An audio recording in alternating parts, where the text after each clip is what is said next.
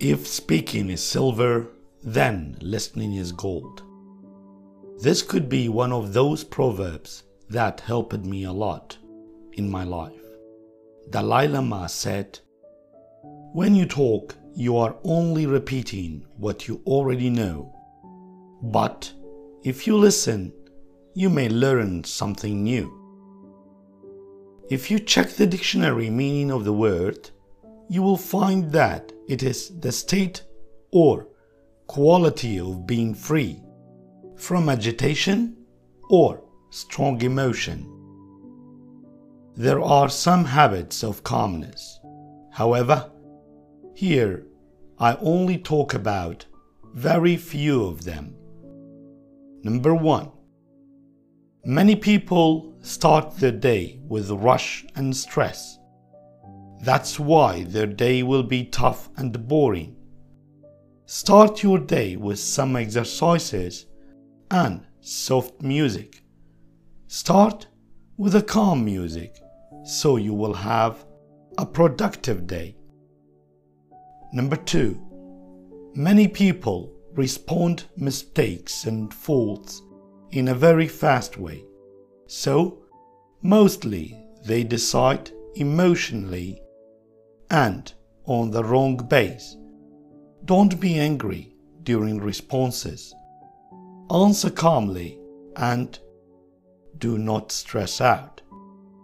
Number three, you have seen many who take everything personally. Many times we believe that this happened intentionally and to hurt or harm us. While if we calm down for a bit longer, then we can save ourselves from it. Number four, if you want to enjoy most part of your day and accept almost everything, then be grateful. Number five, majority of the people nowadays are living in a stressful life and take everything as problem.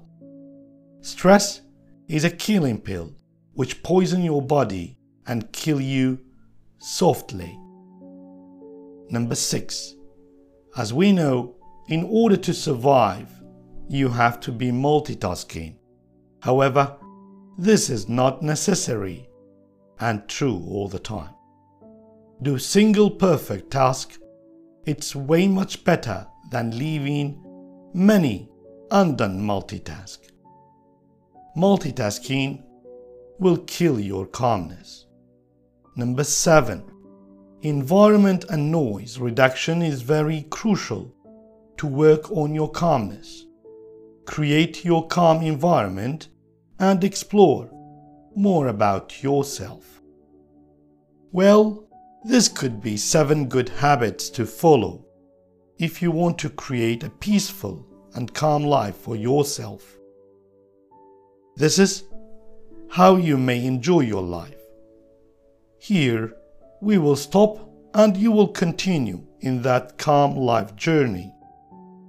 Best of luck and do not forget to come back for the next podcast. See you